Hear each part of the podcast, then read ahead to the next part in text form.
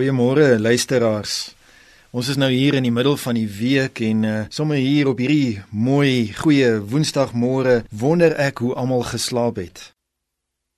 Ek en my vrou Benita het in die eerste week van Oktober die voorreg gehad om op 'n kort bedieningstoer in Angola te wees. Ons het gemeentes besoek. Ons was in die platte land tot naby aan die Kongo gewees en uh, julle weet dat die die taal daar is Portugees. En alhoewel ons nog nie Portugees magtig is nie, is een van die eerste dinge wat hulle vra hoe jy geslaap het.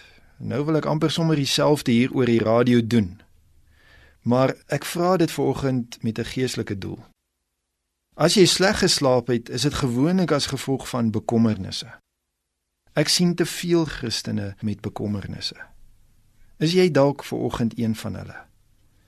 As dit so is, dan is daar moontlik woorde in die woord van die Here, Jesus se woorde wat nie oorgaan in dade nie.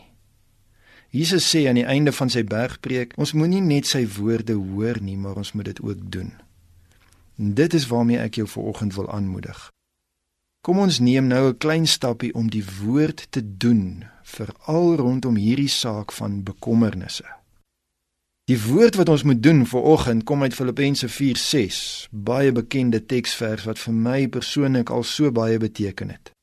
Dit sê: "Wees oor niks besorg nie, maar laat julle begeertes in alles deur gebed en smeking bekend word by God."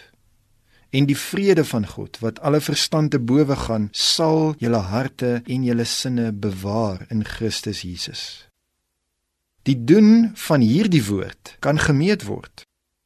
Eenvoudig, die vraag, is daar vrede van God wat alle verstand te bowe gaan in jou hart en in jou gedagtes? Indien nie, lê die antwoord in jou afgee van hierdie besorgdheid in gebed by God. Die doen van die woord is om vir oggend net een saak te identifiseer wat jou bekommer. Wat is daardie een alles oorheersende saak wat in jou gedagtes vir oggend is voordat jy hierdie dag te gemoed gaan? Begin om oor hierdie een saak te bid. Moenie oorgaan na iets anders nie, maar hou aan om vir hierdie bekommernis te bid totdat jy weet jy het dit nou vir hom gegee. Kom ons bid saam.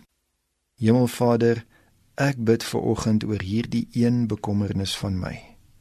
Ek kom gee dit geheel en al vir u met die begeerte, hierdie groot begeerte dat u vrede oor hierdie saak sal neerdaal.